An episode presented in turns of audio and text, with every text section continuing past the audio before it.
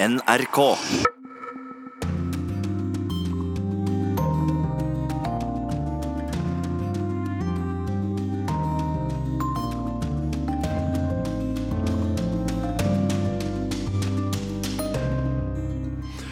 Klokken har passert 11.03, og du lytter på NRK P2 eller Alltid nyheter. Programmet er Urix på lørdag med denne menyen. I går var det to år siden verden våknet opp til en stor overraskelse. Donald Trump var valgt til USAs 45. president. I denne sendingen spør vi om hvem ukens mellomvalg var en seier for, og vi skal se på veien i USA videre. Men vi skal også innom Kasoji-saken, der det stadig kommer nye og bisarre detaljer. Vi skal høre om en bølge av knivstikking og drap i London, samt snakke om norsk-afrikanske relasjoner og investeringer, noe som var tema på en stor konferanse i Oslo denne uken. Det blir korrespondentbrev om russiske drikkevaner og podkast om det allerede omtalte mellomvalget i USA. Dette er Urix på lørdag. Med demokratenes seier i tirsdagens kongressvalg i USA er Nancy Pelosi klar til å gjeninnta posisjonen som speaker i Representantenes hus. I natt sa hun til CNN at hun er 100% sikker på, nok en gang, å bli den mektigste politikeren i USA utenfor Det hvite hus. Nancy Pelosi får ros for sitt lederskap fra så vel tilhengere som politiske motstandere. Sågar President Trump har snakket pent om hennes evner, men internt i Det demokratiske partiet, og spesielt blant de nye og mer frittenkende representantene, er det mange som mener at det nå er på tide at den 78-årige Pelosi trer til side og slipper yngre krefter til.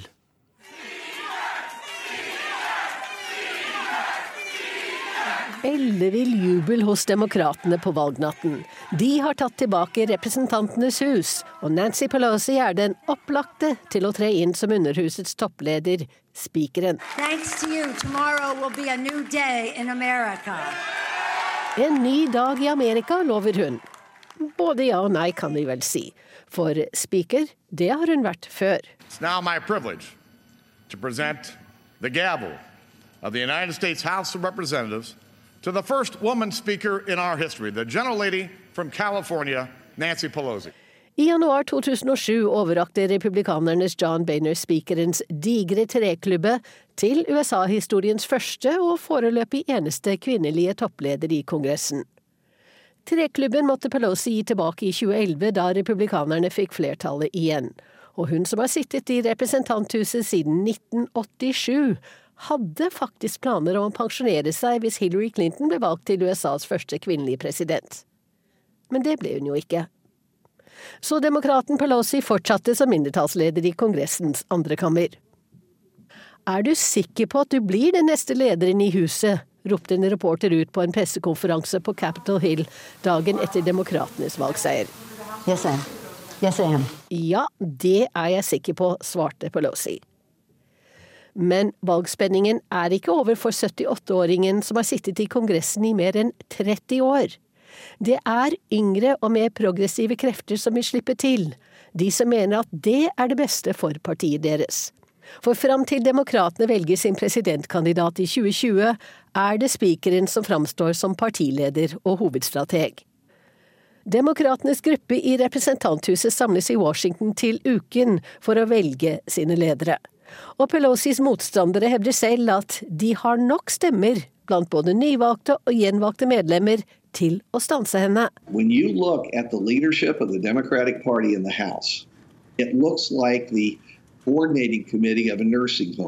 Det er ikke Pelosis politiske erfaring og teft som er problemet men den høye alderen på demokratenes ledertid, mener direktøren ved Center for Politics ved universitetet i Virginia, Larry Sabato. Where is the younger generation of Democrats?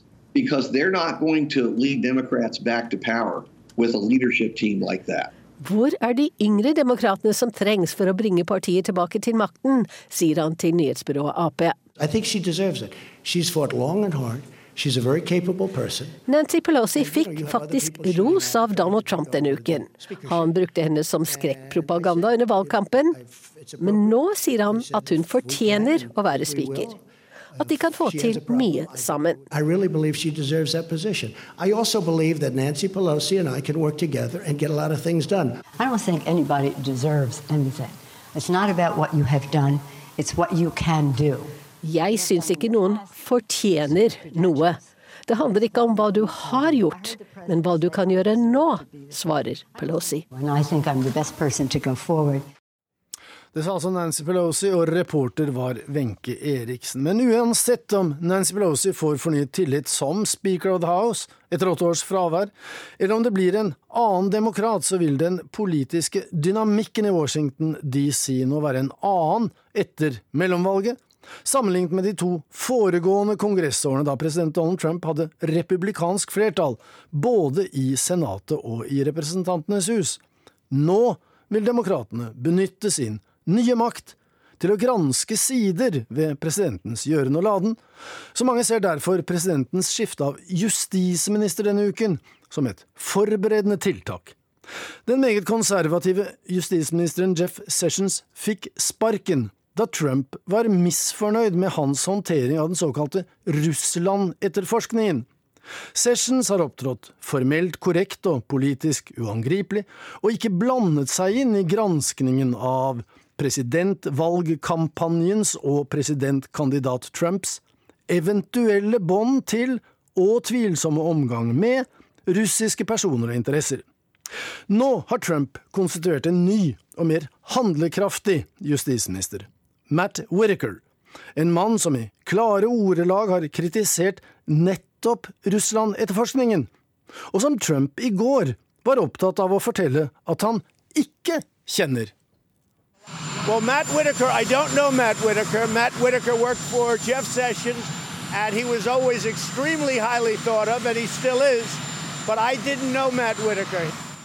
Denne uttalelsen forundrer andre New York Times, som i dag skriver at presidenten i forrige måned sa det stikk motsatte på Fox and Friends.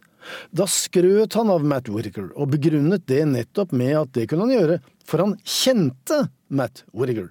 Men det var altså for en måned siden. Whittaker skal også ha besøkt Det ovale kontor en rekke ganger, og ifølge anonyme kilder skal de to komme godt overens med hverandre, og Whittaker blir beskrevet som Trumps øyne og ører i Justisdepartementet, noe Trump indirekte har gitt uttrykk for at han har hatt behov for da Jeff Sessions, som Trump selv oppnevnte, aldri tok kontroll over Justisdepartementet slik Trump har beskrevet det.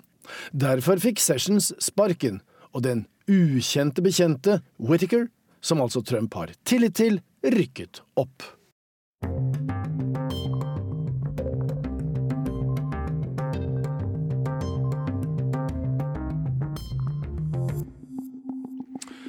London har lenge vært et relativt fredelig sted med få drap og ubevæpnet politi, men tidene forandrer seg. Nå opplever byen en bølge av knivdrap på unge mennesker. Til nå i år har 119 mennesker blitt drept i London. Det mangeldobbelte skadet, og hundrevis er arrestert. Over 70 av drapene er knivstikkinger, og ofrene er unge mennesker i 15-, 16- og 17-årsalderen. Mange ungdommer bærer kniv, og rivaliserende gjenger slåss om territorier.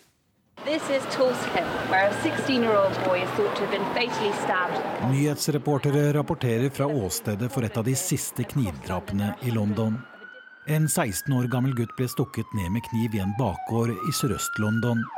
Ved politiets sperringer står ei 16 år gammel jente. Hun ble vitne til drapet. Like he was, Jeg kjenner ham, han er en av vennene mine. Han ble enten skutt eller knivstukket. Alle damene skrek og skrek. Han levde de første 20 minuttene, men ambulansen kom for sent. 16-åringen og hennes 17 år gamle kjæreste er skremt over drapsbølgen i London. Det skjedde foran moren hans, som er forferdelig å tenke på, sier 16-åringen. Politiets sperrebånd er satt opp rundt bakgården.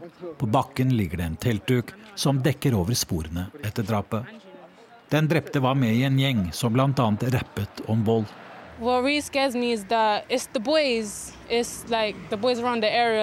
Det som skremmer meg, er guttene i området som bærer kniv, våpen og hva vet jeg.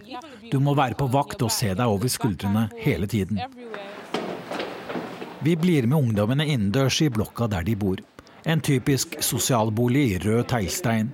Rundt bordet inne snakker de ofte om det som er blitt kalt the postcode wars.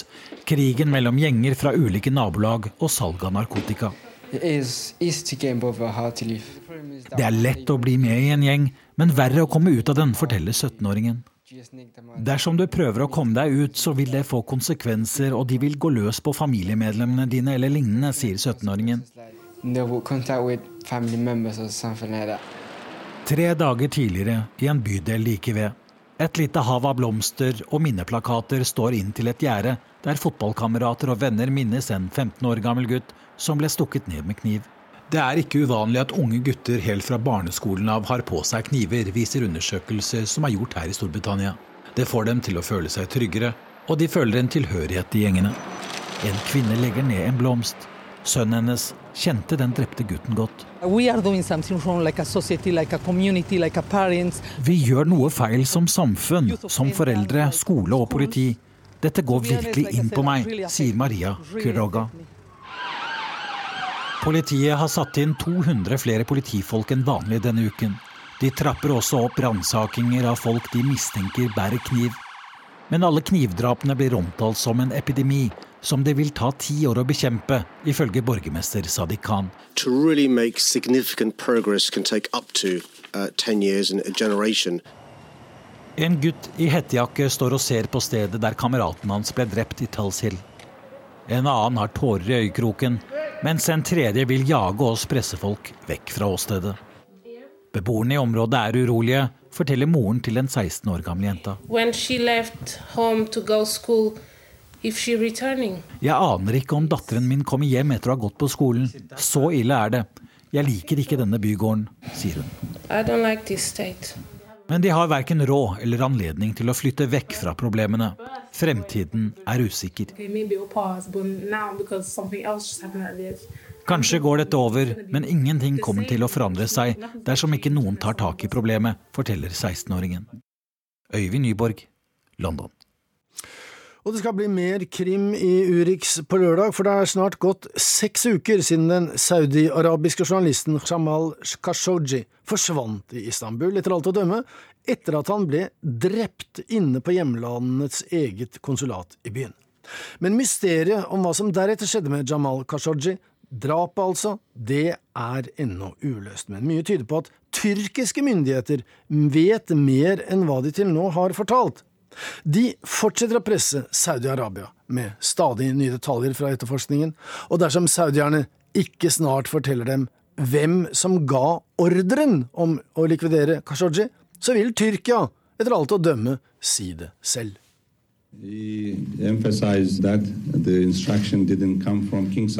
Han, president Erdogan, er sikker på at kong Salman ikke har noe med drapet å gjøre, sa Tyrkias utenriksminister Mevlut Cavacolo denne uken. But it is also obvious that those 15 people didn't come to Istanbul to murder uh, Khashoggi themselves, so they got instructions. Men denne gruppen på 15 menn kom ikke av seg selv for å drepe Khashoggi, og vi må finne ut hvem som gav ordren. Så vi fortsetter å etterforske saken, slo utenriksministeren fast. Det søkkrike kongedømmet er inne i sin største krise siden 11.9.2001, da 19 terrorister angrep USA med passasjerfly. Av de 19 var 15 fra Saudi-Arabia. De siste ukene har tyrkerne presset kongehuset Saud med stadig nye lekkasjer. Denne uken skrev det tyrkiske regjeringsorganet Saba at en gruppe på elleve saudiere ankom det saudiarabiske konsulatet 11.10. Det var profesjonelle folk som kom for å rydde opp etter Kashoggi-drapet. Hele Kashoggi-saken er som en makaber kriminalroman eller en bisarr TV-serie. En av de mest surrealistiske scenene fant sted fire dager etter at Kashoggi forsvant. Reuters ble invitert inn i konsulatet, der en spak generalkonsul viste teamet rundt. Han er ikke her, sa Mohammed Al-Otaibi til journalisten, og åpnet et lite skap kanskje 40 cm høyt. Deretter åpnet han den grå døren til sikringsboksene. Han er ikke her heller, sa han. Senere er det blitt kjent at generalkonsul al-Ataibi var til stede i konsulatet under drapet og parteringen. Natt til 17.10 fikk tyrkiske etterforskere omsider ta prøver i generalkonsulens residens og hage. Men bare timer før politiet kom, fikk generalkonsulen kalde føtter og forlot Tyrkia. Han var et viktig vitne, men ble likevel ikke stanset på flyplassen. Nå viser politiets prøver at det er funnet rester av det sterkt etsende middelet florsyre og også andre kjemikalier i brønnen på residensens tomt. Erdogans nære rådgiver Yasin Aktay, som også var en nær venn av Kashoggi, tror at drapsmennene parterte liket for å lettere bli kvitt det. Nå ser vi at de ikke bare parterte liket hans, men også fikk det til å fordampe, sa Aktay denne uken. Yasin Aktay er også mannen Kashogdis forlovede ringte til, og som slo alarm da Jamal Kashogdi ikke kom ut fra konsulatet 2. oktober. It is a mystery, and this is putting a lot of burden on us, all of us, that uh, everybody is seeking for information just as we do. Sist helg snakket sønnene Salah og Abdullah Khashoggi til CNN. All, all what we want right now is to bury him in, within Medina. His, det eneste vi ønsker, er å finne levningene, slik at vi kan begrave ham i Saudi-Arabia og gi ham fred. Og jeg har snakket med saudiarabiske myndigheter om dette, men vi må finne liket først. Sure uh, until, until now, jeg kan ennå ikke tro at han er død, sa Saleh Khashoggi, som ble avbildet sammen med kronprins Mohammed bin Salman i det som så ut som et smertefullt møte for sønnen. Gjentatte ganger har president Erdogan bedt saudi-arabierne om å fortelle hvor liket er. Also, have, uh, public, vi har fremdeles flere bevis vi ennå ikke har publisert, sier utenriksministeren. Vi vil oppklare saken, og vi må også finne liket, sa han tirsdag. Men etter at politiet på torsdag avslørte at de hadde funnet rester av syre i residensen her i Istanbul, og mener at liket ble tilintetgjort med kjemikalier, har ikke familien noe lik å begrave. Forloveden Hatijer Cengiz skrev på Twitter i går. Jeg er ikke i stand til å uttrykke min sorg etter at jeg hørte om oppløsningen av kroppen din, Jamal. De drepte deg, skar kroppen din i biter og de fratok meg og familien din muligheten for å holde en begravelse for deg i Medina, slik som du ønsket. Er disse drapsmennene mennesker? Å Gud! Sissel Wold rapporterte fra Istanbul.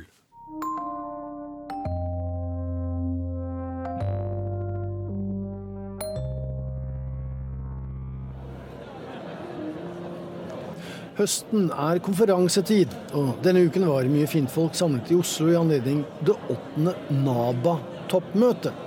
Statsråder og ambassadører, direktører og investorer, samt én president, møttes i regi av Norsk-afrikansk Business Association, derav NABA.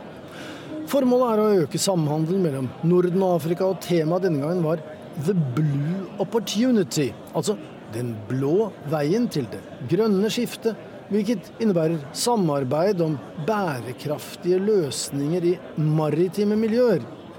Men innovasjon og nye muligheter kan også oppstå i kontakten mellom en ung norsk gründer og hennes eritreiske bestemor. Det er absolutt min bestemor. er det det? Ja, så det er, det er faktisk et helt konkret eksempel? Det er det. Den eritreiske bestemoren, som vi skal komme tilbake til, spilte ingen sentral rolle på NABA-møtet, men det gjorde Benins president Patrice Talon, som var en slags æresgjest og en meget selvransakende og frittalende sådan. Han oppfordrer til mer kontakt mellom Norge og Benin, og ikke minst til økte investeringer i den lille vestafrikanske republikken. Benin er et av verdens fattigste land, og til tross for økonomisk vekst så opplever innbyggerne der at levevilkårene blir dårligere. En stor del av ansvaret er vårt, sa president Talon. Vi er ikke seriøse nok, og vi får for mange barn.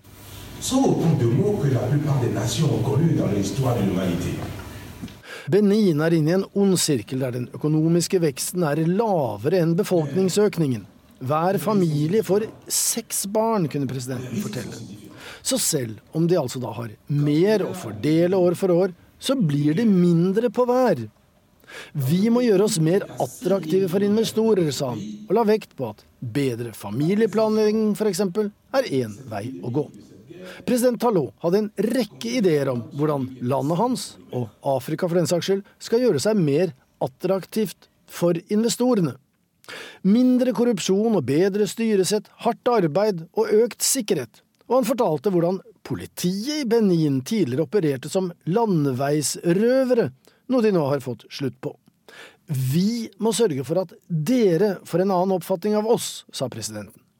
Samtidig som han påpekte at altfor mange investorer har altfor høye forventninger til høy fortjeneste og raske penger. I Afrika må man skynde seg langsomt, men mulighetene er der, sa Patrice Talon, noe Terje Pilskog kunne si seg enig i. Han er prosjektansvarlig i Scatec Solar, som har gjort det mer enn bra i flere afrikanske land med solenergi. Men forretningene må gjøres kombinert med at investorene er seg sitt samfunnsansvar bevisst, sier Pilskog. Vi tar stort samfunnsansvar og stort industriansvar. I Sør-Afrika f.eks. så jobber vi med den lokale leverandørindustrien, prøver å utvikle den slik at de kan levere i henhold til de internasjonale kvalitetsstandardene vi jobber etter.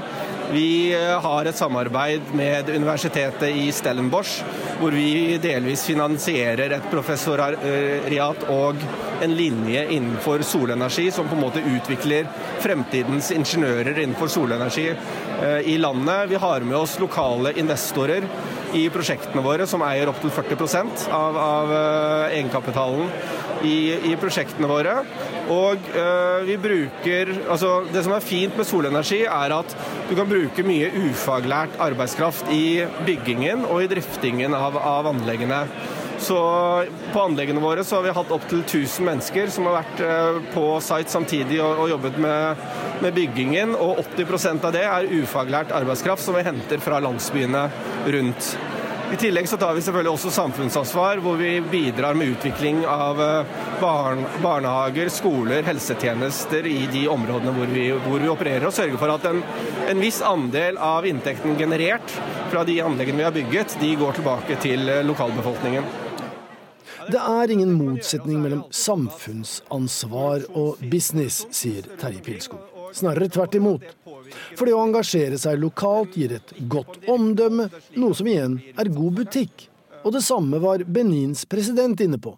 Man kan ha all verdens råstoffer, olje og diamanter, men uten å se menneskets rolle og betydning i denne helheten, så kommer man ingen vei. Og for Asmeret Gevelde Selassie dreier det seg ikke bare om et tilfeldig menneske, men om hennes egen bestemor i Eritrea, som altså bidro til at Asmeret i dag er sentral i Vipicash, et selskap som overfører penger digitalt til andre land, med garanti om at hele beløpet kommer frem og blir brukt etter hensikten. En gang hadde jeg snakket med bestemor, da, hvor hun uttrykte at hun følte seg dårlig og ville dra til sykehuset og sjekke. Og da tenkte jeg ja, selvfølgelig det må du gjøre. Så jeg sendte henne penger for, for at hun skulle Spesifikt da, for at hun skal gå til, til legen og sjekke hva det var som plagde henne. Men da pengene kom frem, så følte bestemor seg bedre. Hun trengte ikke å gå til legen, så hun brukte pengene, som seg hør og bør i afrikanske samfunn, på andre. Man har tross alt ansvar for flere enn seg selv. I og for seg hyggelig, sier Asmeret, men det var jo ikke derfor hun sendte penger til bestemor. Og det er jo koselig. Men for meg så ønsker jeg jo å sikre at hun, hun har det bra og har alt det hun trenger og er frisk. Selv om hun føler seg bedre, så er det jo greit å betryggende for meg at hun faktisk drar til legen og sjekker, da. Eh, men det ble jo ikke gjort. Eh, så hvis jeg hadde Vipicash i Eritrea, da, så hadde jeg jo absolutt kobla det på den måten. Andre Oslo-ungdommer, også de med flerkulturell bakgrunn, hadde samme private erfaring. Penger som ble sendt, forsvant enten til korrupte mellommenn eller til andre formål, som var viktigere for den utvidede storfamilien enn det den glade giver i Norge opprinnelig hadde tenkt. Så dermed stiftet de Vipi Cash. Vipi er swahili og betyr noe i retning av eh, hva skjer, eller åssen går det? Altså, hva skjer med pengene?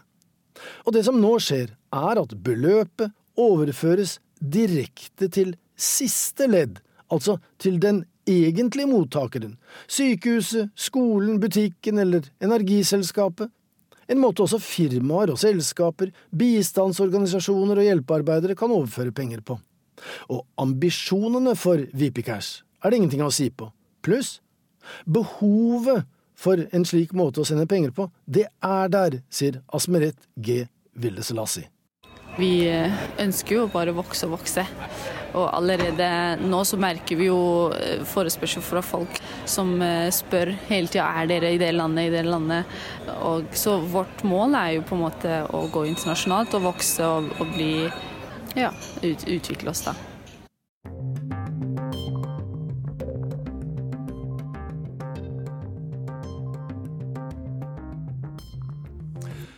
For helsa, sier russerne på sitt eget språk når de skåler. Men nå innser stadig flere av dem at drikking kanskje ikke er så sunt for helsa. Dette er tema for ukens korrespondentbrev, som er postlagt av Guri Nordstrøm i Moskva. Velkommen! Det russiske ekteparet sto med åpne armer og store smil i den lille blokkleiligheten i en av drabantbyene i utkanten av St. Petersburg. I disse områdene hvor det er lett å gå seg vill, hvor kilometer på kilometer ser helt like ut, boligblokker på over ni etasjer, bygd under Brezjnev på 1970-tallet, mens økonomien fortsatt vokste, og det ble utdelt 46,8 kvadratmeter til hver. Vi kom sent, men på kjøkkenet var bordet fullt dekket. Det var mitt første møte med Russland. Året var 2005. En raus russisk språkkurslærer hadde tatt med seg meg og to andre norske kveldskurselever tilbake til hjembyen sin. Vi hadde kjørt over 20 timer non stop i bil fra Bodø gjennom Sverige og Finland, og var endelig kommet frem til St. Petersburg. Der skulle vi få testet ut de få glosene vi hadde klart å lære oss i løpet av noen få måneder med halvannen times kurs én gang i uka. Vi var på 'Hva heter du?' og 'Hvor kommer du fra?'-nivå. Og så hadde vi selvfølgelig lært oss det obligatoriske ordet for skål, zastarovje, som betyr 'for helsa'. Vodka? spurte verten og var i ferd med å helle opp en shot. Njet spasiba, sa jeg på min sparsommelige russisk, og fikk russisklæreren til å høflig forklare at jeg ikke hadde lyst på alkohol akkurat nå, fordi jeg var sliten etter en lang biltur. Verten nikket forståelsesfullt, reiste seg og forsvant ut døren. Et kvarter senere kom han tilbake med en bærepose. Siden du ikke har lyst på alkohol, sa han, så kjøpte jeg dette til deg istedenfor. Og ut av plastposen tok han opp tre flasker med øl. Noen år senere kom jeg tilbake til St. Petersburg. Denne gangen på språkkurs og med bedre russiskkunnskaper i bagasjen enn forrige gang etter å ha studert på universitetet. Vi var i ferd med å pakke sakene våre etter første skoledag da den eldre russiske lærerinnen ba om å få oppmerksomheten vår. Dere, sa hun, det er én ting dere bør vite. Dere må være litt forsiktige her. Vi spisset ørene. Og hun forklarte oss strengt, men velmenende. Det har nå blitt funnet ut at det også er alkohol i øl. Det er altså ikke så ufarlig som man tror, og dere bør derfor være oppmerksomme på dette, sa hun. Det innarbeidede russiske synet på at øl ikke var alkohol, hadde vi for øvrig allerede lært oss gjennom ordtaket Piva ves vodki, djengina veter. Øl uten vodka er som å kaste penger ut av vinduet. De av oss som hadde valgt å bo hjemme hos familier under språkkurset, hadde allerede sett alkoholens spor i det russiske samfunnet. Familiene som var vertskap for oss språkkurselever, besto gjerne bare av mor med ett barn. Familiefaren var over alle hauger. På spørsmål om hvor han var, var svaret den karakteristiske knipsingen mot halsen, som betyr alkohol og full. Og vi lærte oss raskt at når vi skulle hjem fra utesteder om natta, og ofte måtte praie en Lada pirattaxi fordi siste T-bane var gått, så lønte det seg å stikke hodet inn gjennom bilvinduet for å forsøke å lukte om sjåføren hadde drukket eller ikke, før vi satte oss inn i baksetet. Helt fra middelalderen har alkohol vært en stor del av det russiske samfunnet. Den skal til og med ha vært en av årsakene til at prins Vladimir i år 988 valgte ortodoks kristendom for landet, fordi den trosretningen, i motsetning til andre religioner, ikke forbød folk å drikke. Ifølge krønikene skal Vladimir ha invitert representanter fra de ulike trossamfunnene for å be dem om å fortelle om sine religioner. Da den muslimske representanten fortalte at islam var drikking forbudt, skal Vladimir ha blitt så forferdet at han på vegne av folket sitt, som ble kalt rus, utbrøt Drikking er gleden til all rus. Vi kan ikke eksistere uten den. Han var ikke den eneste lederen som skulle beskytte folkets drikkevaner. På 1700-tallet ga Peter den store beskjed om at en kvinne kunne bli pisket dersom hun forsøkte å få mannen sin til å forlate kroa før han var ferdig med å drikke. Grunnleggeren av St. Petersburg dro for øvrig også nytte av at folk satte seg i drikkegjeld de ikke kunne betale, fordi de da måtte gjøre opp for seg ved å jobbe gratis for å unngå fengsel. Ivan den grusomme hadde allerede rundt 200 år tidligere oppfordret folk til å bruke sine siste penger på kabaksene, de statlige kroene, for å hjelpe staten med inntekter. I 1850-årene utgjorde vodkasalget halvparten av statens skatteinntekter, ifølge World Policy Journal. Og i 1970 utgjorde de en tredel av dem. Parallelt med at staten dro nytte av folks drikkevaner på denne måten, så dukket det også opp problemer med økt alkoholisme. Flere ganger ble det satt inn tiltak for å forsøke å få folk til å drikke mindre. Da Gorbatsjov ble generalsekretær for kommunistpartiet i 1985, innførte han en antialkoholkampanje kjent som tørrhetsloven. Prisene på vodka, vin og øl økte, og det ble restriksjoner på hvor mye og når på døgnet man kunne selge alkohol. Reformene hadde en effekt ved at kriminaliteten ble noe mindre og levealderen økte, men økonomisk var den et tap for staten, og folk var misfornøyde. En gammel sovjetisk vits forteller om hvordan folk sto i lang kø for å kjøpe vodka. En stakkars fyr orket ikke lenger å vente og utbrøt nå drar jeg til Kreml for å drepe Gorbatsjov. En time senere kom han tilbake. Køen var fortsatt der, og folk spurte ham drepte du ham. Nei, svarte fyren. Køen for å gjøre det var enda lengre enn denne. Nå er det imidlertid kommet nye tider i Russland siden den gang. Og nye tider siden jeg selv begynte å henge der. Tall fra Verdens helseorganisasjon viser at russerne ikke har drukket så lite som nå siden Sovjetunionens fall. Alkoholkonsumet har falt med nærmere 20% siden 2012. Mens russerne nå årlig drikker 12,2 liter ren alkohol per innbygger, så drikker tyskerne til sammenligning 13,4 liter. Dersom dette fortsetter, vil russerne om noen år kanskje ha samme alkoholinntak som det vi skandinavere har nemlig rundt 9 liter per innbygger per år. Det går en sunnhetsbølge over landet, og jeg merker det når jeg er tilbake i Moskva som vikar på NRK-kontoret og kontakter mine gamle russiske venner. Bli med på yoga, foreslår de. Kanskje vi kan trene sammen? Du kan bli med oss på dansing. Eller hva med å leie bysykler neste helg? Du må bli med oss på vegetarrestauranten ved Chitsi Prodi, sier de. Jeg ringer min gode venn Juri på Messenger. Han var tidligere selve navet i gjengen. Var det fest, startet den alltid hos ham. Men nå har han selv sluttet å drikke, sagt opp jobben som ingeniør og reiser Sørøst-Asia rundt for å meditere og drive med yoga. Jeg har stort sett ikke vært hjemme i Russland de siste tre og et halvt årene, sier han over Messenger fra Laos med pling-plong-musikk i bakgrunnen. Men jeg tror det fortsatt er forskjell på by og land. I de store byene har man tilbud om sunne alternativer som yoga og vegetarmat, og det har blitt en slags mote, det hele. På de mindre stedene er det sikkert som før, sier Juri. Riktignok har vi blitt eldre, og ikke overraskende så frister nå en yogatime mer enn det vodka flatfyll gjør. Men det har ikke bare med alder å gjøre. Tall fra det russiske helsedepartementet viser at det er de unge russerne, den såkalte millenniumsgenerasjonen født mellom 1982 og 2000, som er dem som kutter mest ned på alkoholen. Det handler ikke bare om at vodka er byttet ut med mildere alkohol som vin og øl. Alkoholkonsumet totalt har gått ned. Verdens helseorganisasjon forklarer det med at de siste 13 årene er innført flere tiltak for å redusere alkoholisme. Det er blitt forbudt å selge alkohol etter klokka 23. Prisene på sprit har økt, og alkoholreklame er forbudt.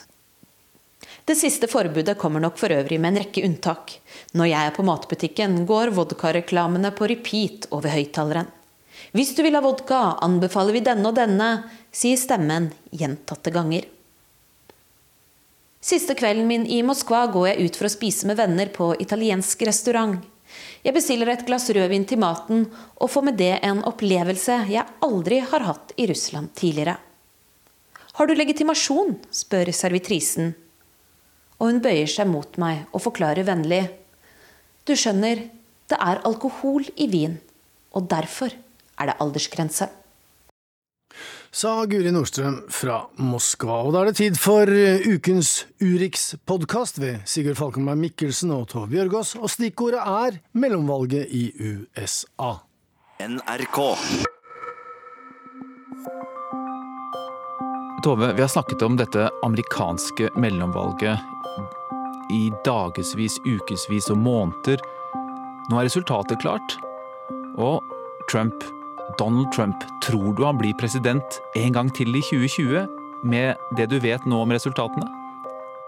Jeg tror det er litt større sannsynlighet for det enn det var, faktisk. For vi har sett ham på valgmøter, han har vært overalt i media, og det er vel egentlig derfor vi har brydd oss så mye om dette amerikanske mellomvalget? Ja, dette valget og denne valgkampen har handlet først og fremst om Donald Trump. Og Donald Trump, han har ført valgkampen med den samme strategien han brukte for to år siden, og noen steder så har det virket.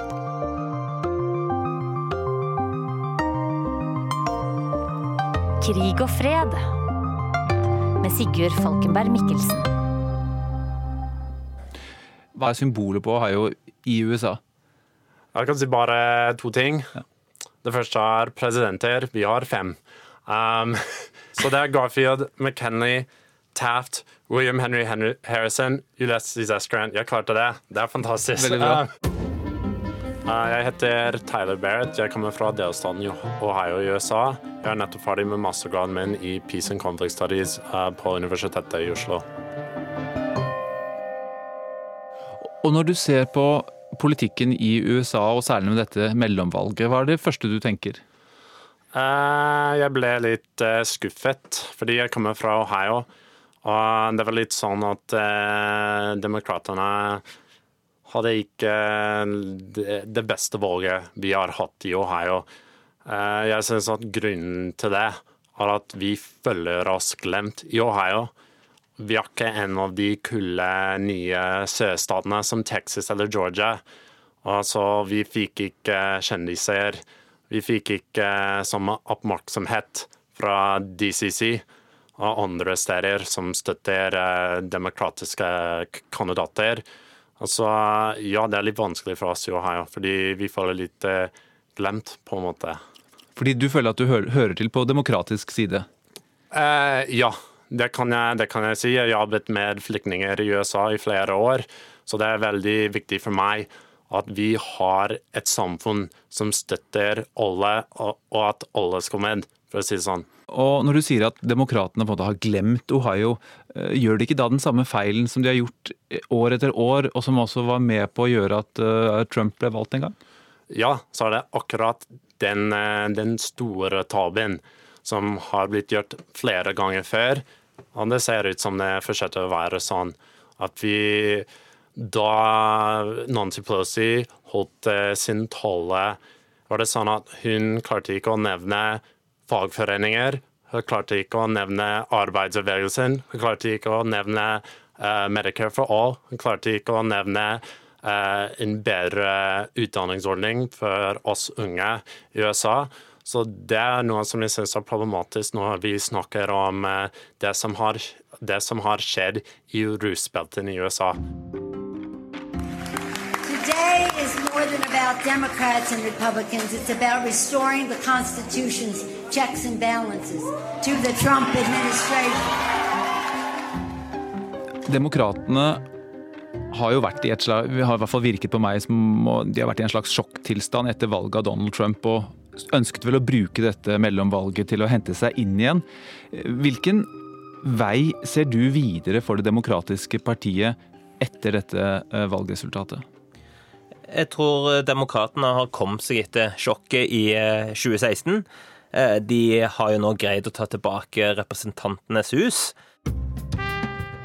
Eirik Løkke jobber som rådgiver i tankesmien eh, Civita og har eh, i mange år fulgt og jobba med amerikansk politikk, og har bl.a.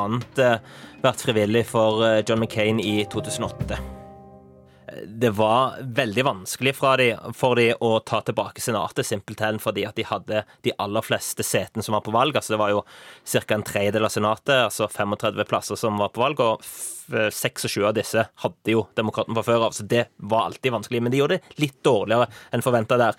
Men summa summarum så tror jeg at Demokratene har posisjonert seg godt foran presidentvalget og neste valg i 2020 det flertallet de fikk i Representantenes hus, eh, hva sier det om eh, amerikansk eh, politikk? Nei, Det sier jo at vi har en president, Donald Trump, som er mer upopulær enn tidligere presidenter. Nå skal man jo også huske på at det en mer polarisert eh, stemning i eh, USA. Og ser man eh, også på disse exit-polsene av hvor mange av velgerne som hadde bestemt seg lang tid i forhånd, så var det de aller, aller fleste. Så valg i USA nå dreier seg enda mer om å få ut sine kjernetropper, få ut støttespillerne sine. Og, det, og dette valget her, selv om det gikk bedre for demokratene enn i, i 2016, viser at USA fremdeles er et veldig splitta land. Hva tenker du Tove, om demokratenes eh, muligheter fram mot 2020 etter dette mellomvalget?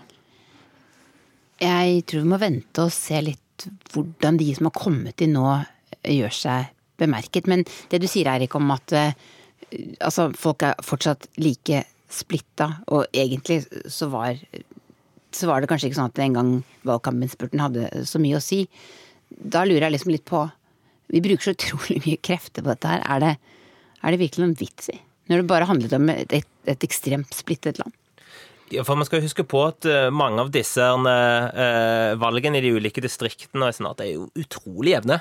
Så på marginen, se f.eks. i Florida, som litt overraskende gikk til, til, den republikanske kandidaten med veldig veldig close uh, margin, så klart at det har jo noe å si på, på marginen. Og så skal man jo også huske på at dette er jo et typisk valg, og det kan man jo se fra kommentarene i USA, hvor også mediene og kommentarene gjenspeiler det polariserte og konfliktfylte eh, stemningen. At man kan dra ut litt hva man har lyst til å dra ut av eh, akkurat dette valget. Men nå ser det jo ut til at hvis man måler på det såkalte popular vote i Representantens hus, altså hvor mange som faktisk har stemt på Demokratene og Republikanerne, så kan Demokratene vinne opp mot 10 Og Hvor oppsiktsvekkende er det? Ja, det var forventa at de kom til å vinne ganske klart. Eh, men det, men det gjenspeiler jo også det, det faktum at det, store flertallet av velgerne, og det var jo også tilfellet i 2016 eh, Det var jo eh, over et par millioner flere velgere som stemte på Hillary Clinton enn Donald Trump. Men måten velgerne i USA bor på, og måten distriktene er utforma på, er jo en stor fordel for republikanerne. Og det er et lite også sånn sidepoeng at de kommer til å lage nye valgdistrikter i 2020, så derfor var også veldig veldig mange av disse lokalvalgene viktige for demokratene for å ha noe å si i måten disse blir utforma på. Er det noen kandidater på demokratisk side som har utmerket seg med tanke på et presidentvalg om to år? Ja, Beto i Texas. Som, Beto O'Rourke. Ja.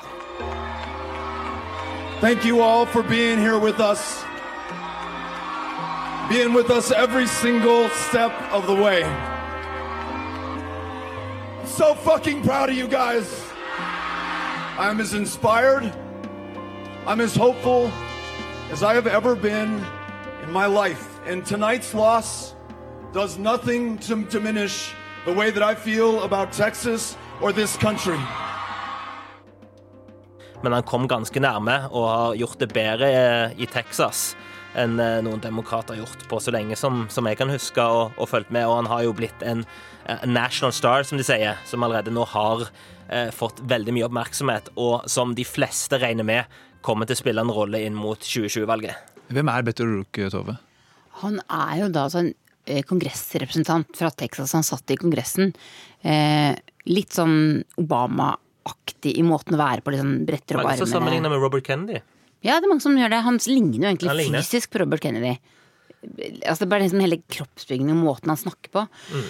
Eh, men han har jo da eh, ført en sånn veldig egentlig spesiell kampanje, som kanskje også ligner litt på Robert Kennedy sin, hvor han har reist faktisk til hvert eneste lille valgdistrikt i hele Texas, selv om at han visste at han var sjanseløs i de republikanske bastionene ute på landsbygda der. Og så kommer han fra grensebyen El Paso, helt nede ved grensen, i hjørnet der. Ikke akkurat der politikere pleier å komme fra. Eh, og, og, han profilerte seg vel egentlig først, Erik, på eh, denne separasjonspolitikken på grensen. Han Mm. eh, husker blant annet han gikk til et av disse sentrene der disse barna, teltleirene, hvor mange barn ble holdt Ja. til fots. Ja, ja han, har, han, har, han har markert seg på veldig mange av kjernespørsmålene til demokratene, som man ikke oppfatter som veldig populært i Texas, da. Men han har jo eh, hatt en enorm mobilisering. Og, eh, og, og, og sammenligning med Obama er, er jo særlig relevant, for han savner veldig store eh, forsamlinger på disse eh, valgmøtene sine. Så det er jo klart at han har vist, selv om han nå ikke lykkes i eh, senatsvalget, at han kan mobilisere store eh, store velgergrupper, og eh, han kan bli interessant å følge mot et eh, nasjonalt presidentvalg i 2020. Ja, Hvis han skal opp mot eh, Donald Trump, så må han i hvert fall vise at han tåler en trykk. og Det har han kanskje vist i denne valgkampen ved å, ved å nettopp konfrontere eh, velgere i Texas som ikke er enige med ham. Ja, han ble, det øyeblikket jeg kommer til å huske, var da han ble spurt på et valgmøte av en velger om dette med at en del spiller i amerikansk fotball eh, nekter å, å stå oppreist under nasjonalsangen, kneler mens nasjonalsangen spilles. Denne velgeren syntes jo dette var en forkastelig at, at disse fotballspillerne gjorde det. Og da kom Beto Work med en ja, to minutters argument for hvorfor det var amerikansk å knele under nasjonalsangen for disse spillerne, og hva det vil si å være amerikaner. Og det tror jeg er en sånn tale som kommer til å ligge Nå ligger ikke alle Robert Kennedys taler på YouTube, men det, den kommer til å ligge der de neste to årene og, og, og modne seg. So that is why they are doing it, and I can think of nothing more American than to peacefully stand up or take a knee for your rights anytime, anywhere, any place. So thank you very much for asking the question. En annen som jeg syns er litt sånn spennende som en slags eh, motpol, eller kanskje parallell til, til Beto O'Rourke, da det er Kamala Harris i, i California.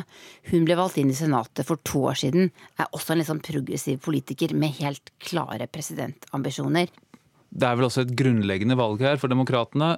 Mer progressivt, eller mot venstre om man vil, eller en type sentrumskandidat. Har dette mellomvalget gitt noen klare svar i så måte? Jeg vet ikke om det har gitt helt klare svar, men eh, hvis man ser på de valgene som, har vært eh, så langt under Trump, og nå tenkte jeg særlig på guvernørvalget i eh, Virginia og New Jersey som var i fjor, og ikke minst senatsvalget som fikk mye oppmerksomhet i Alabama, var det alle hva skal man si, veldig sentrumsorienterte, litt sånn Wall Street-demokrater som eh, vant fram. Mens det er jo nå noen tegn til at eh, eh, siden republikanerne har vunnet en del av de jevne statene, at eh, iallfall de som tilhører mer mainstream og sentrumsorienterte demokratene, vil si at det er det rommet man må inn for å kunne bli president og for å vinne valg. Samtidig så har du jo flere og flere av velgerne til demokratene som går mer i hva skal man si, eh, very liberal, som da er eh, venstresiden i, USA. Og det er jo ikke lenger heller et skjellsord å kalle seg eh, sosialist i, USA, i hvert fall ikke blant demokratene. Det må man kunne kalle en liten revolusjon. Ja, absolutt. Så, og det er jo hun Ocasio-Cortez et veldig godt sånn eh, eksempel på. Mm. Hvis vi kikker på uh, republikansk side etter dette valget, de har jo også gjort på mange måter et veldig godt valg. Uh, de har vunnet mange viktige uh, senats, senatsvalg, også i posisjoner hvor de, man kanskje ikke hadde ventet det. Hvilke lærdommer tror du republikanerne trekker av dette? Det er veldig spennende. Og det er jo igjen et spørsmål at det, hvilket narrativ man vil trekke ut her, er jo egentlig hvilken agenda man har, og det vil man jo spille på. Trump vil jo mene at det, han vil jo gjøre, han, som, som, alt med Trump, han vil gjøre valget til et spørsmål om, om seg sjøl. Og han vil jo mene at det som han gjorde ved å fokusere på immigrasjon eh, og, og, og, og, den type spørsmål, vil være det som republikanerne også skal fokusere på framover. They basically want to impose socialism in the United States. They want to They want to erase your borders. Yeah, socialism hasn't done very well for Venezuela. Would you say that's not too good? En del av de mer eh, etablerte republikanerne syns jo det var veldig dumt at man ikke fokuserte mer på økonomien, som går ganske bra i eh, USA. Men det faktum at nå Trump, særlig guvernørvalget i eh, Florida, hvor eh, DeSantis, som var en liksom, skikkelig sånn Trump-protesjé, vant eh, ikke veldig overraskende, men, men, han hadde ikke momentum på meningsmålingen mot den demokratiske Andrew Gilliam, faktisk vant, ble jo tatt som et tegn på at Trumps tilnærming var, var en god tilnærming for republikanerne. Vi så det i mange andre delstater også. Mm. I Missouri så knuste nærmest eh, den 39 år gamle Josh Hawley Eh, eh, Claire McCaskill, som har sittet mm. tolv år i Senatet. Eh, vi så det i Nord-Dakota, der Heidi Heidkamp tapte sitt sete. Mm. Og alle disse stedene har jo Trump vært i innspurten og, og, kjørt dette litt sånn nasjonalistiske budskapet, skremmebudskapet om immigranter. Snakket mm. mye mer om det enn om økonomien. Mm. Så jeg tror vi Det er klart han vil si at det har virket, men, men da, vi må kunne si at det har virket, eller? Ja, i hvert fall i disse senatsvalgene. Men eh, en annet veldig eh, interessant eh, kongressvalg er jo det første distriktet i South Carolina, hvor Katie Errington, som slo Mark Sanford, som de som følger litt med, kan huske var guvernør i, i South Carolina og ble tatt med utroskap og var masse oppstyr rundt dette. Men var en, Sanford var en veldig uttalt Trump-kritiker, og tapte da primærvalget til Katie Errington, som blir huska for å ha sagt at nå er republikanerne Trumps parti. Og hun eh, tapte overraskende eh, mot demokratenes eh, kandidat. Så det er jo noe med at eh, på ett område så kan det vise at eh, Trump har lykkes på det senatsvalget, men hva det gjør på andre områder. Fordi aksjoner får som regel reaksjoner, og det er avveininger her. Så jeg er ikke like sikker på at Trumps tilnærming Eh, kommer til å lykkes fullt og helt eh, også fremover, selv om det har lykkes på en del senatsvalg her. Så er det vel kanskje viktig å minnes at dette tross alt er lokalvalg også, og at eh, lokale forhold kan spille inn, selv om vi nå snakker i en mer nasjonal ramme. Men tror du at dette har økt sjansen for at Trump vinner presidentvalget på nytt i 2020? Det er et kjempegodt spørsmål. Jeg, jeg tror ikke at det verken har økt eller redusert sjansene til Trump i 2020. Jeg tror veldig mye kommer til å avhenge av hvem er det demokratene kommer opp med. Hvordan kommer økonomien til å utvikle seg videre? For det er jo noe som man må huske på, at økonomien i USA går ekstremt godt. Og at eh, republikanerne likevel taper huset, eh, og likevel eh, havner bakpå med omtrent 10, 10 prosentpoeng i the popular vote, altså med hva velgerne faktisk stemmer på det kan ses på som oppsiktsvekkende. Men det er jo igjen hvilket narrativ man vil, vil trekke ut av det her. Og jeg ser jo flere av de mer liberale kommentatorene som påpeker at Trump er rekordupopulær. Og hvis du får litt forverring i økonomien og, andre, eh, og, og på andre områder går dårligere i USA, så vil dette kunne få en mye sterkere effekt i 2020. Jeg tror også vi må trekke fram kvinnene her. Mm, Fordi mm. kvinner har jo nå kastet seg inn i politikken på en måte vi aldri har sett før. Det har mm. aldri sittet så mange kvinner i Representantenes hus. Mer enn 100. Det høres kanskje ikke så mye ut, men i USA er det mye. Og mange engasjerte seg jo i politikk for første gang etter at Trump tiltrådte med denne kvinnemarsjen. Og jeg tenker at nå vil de ha betalt for det om to år. Taylor Barrett, det er jo du og din generasjon som skal ta over USA etter hvert. Hva tenker du om dette valget og politikken i USA framover? Uh, det er jo litt synd. Uh, det har vært veldig dårlig stemning mellom de to partiene. Det finnes gode folk på begge sider. Så det er spennende å se hva som kommer fra generasjonen min. Um, fordi da jeg var barn, var det ikke sånn. Og nå er det sånn hvis du er demokrat og har venner som er republikanere, så er det sånn at du må, du må finne nye venner. Men det tror jeg ikke på i det hele tatt. Jeg syns det er viktig å bygge bruer, som Ronny sa. Jeg synes at det er det som er viktigste. Når vi snakker om hele landet, det er det som er viktig. Hvis vi ikke kan klare å gjøre det, så kommer vi til å ha enda større problemer.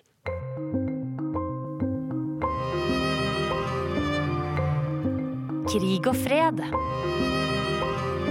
En podkast fra NRK Urix. Da går denne sendingen mot slutten. Vi minner om at det i morgen er 100 år siden kamphandlingene i første verdenskrig tok slutt. og mange prominenser er samlet i Paris i denne anledning, og det blir sending derfra på NRK1 i morgen klokken 10.30. De som fikk denne sendingen på lufta, det var Tom Ingebrigtsen, rent praktisk, og Stein Nybakk tok teknisk ansvar. Joar Ho Larsen gjennomførte det rent verbalt.